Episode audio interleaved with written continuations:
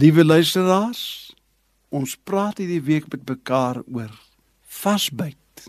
Vanoggend wil ek elke bidder en gelowige aanmoedig om vas te byt in gebedslewe. Dit is een van die wonderlikste hulpmiddels vir 'n mens en ons moet nooit bekommerd wees oor enige saak waaroor ons kan bid nie. Gebed is God se uitnodiging om met hom te kommunikeer Jesus het sy disippels in die Bybel geleer om te bid. Ons kan al ons behoeftes met danksegging, smeking en lofprysing aan hom bekend maak. Hy nooi ons om dit te doen.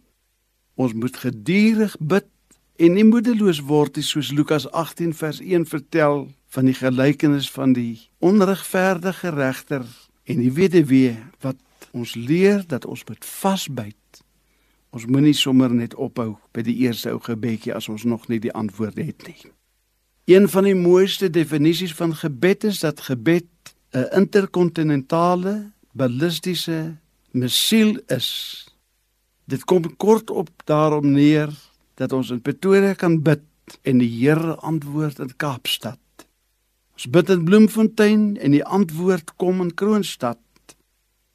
Voor verlede week het ek 'n oproep uit Brisbane, Australië ontvang en kort daarna was dit my groot voorreg om te hoor dat terwyl ons in Pretoria gebid het, het daar 'n antwoord in Australië gekom. Twee joernaliste het vir Billy Graham gevra, "Sir, does God answer all your prayers?" En sy antwoord aan hulle was, "Yes, every single one of them. But sometimes he says no."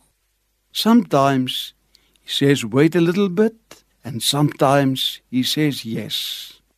Die kerk, die individu, die vader, die moeder, die leier en enige persoon wat kan vashou aan die waarde en die waarheid van gebedsverhoring beskik oor 'n magtige wapen.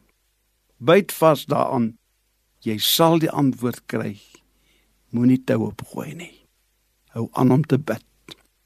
Onse Hemelvader, U wat in die hemel is, U wat groot is, U wat goed is in U grootheid en groot is in U goedheid. Ons aanbid U Here en ons dank U dat ons vermore weet dat U die antwoorder van gebed is. Amen.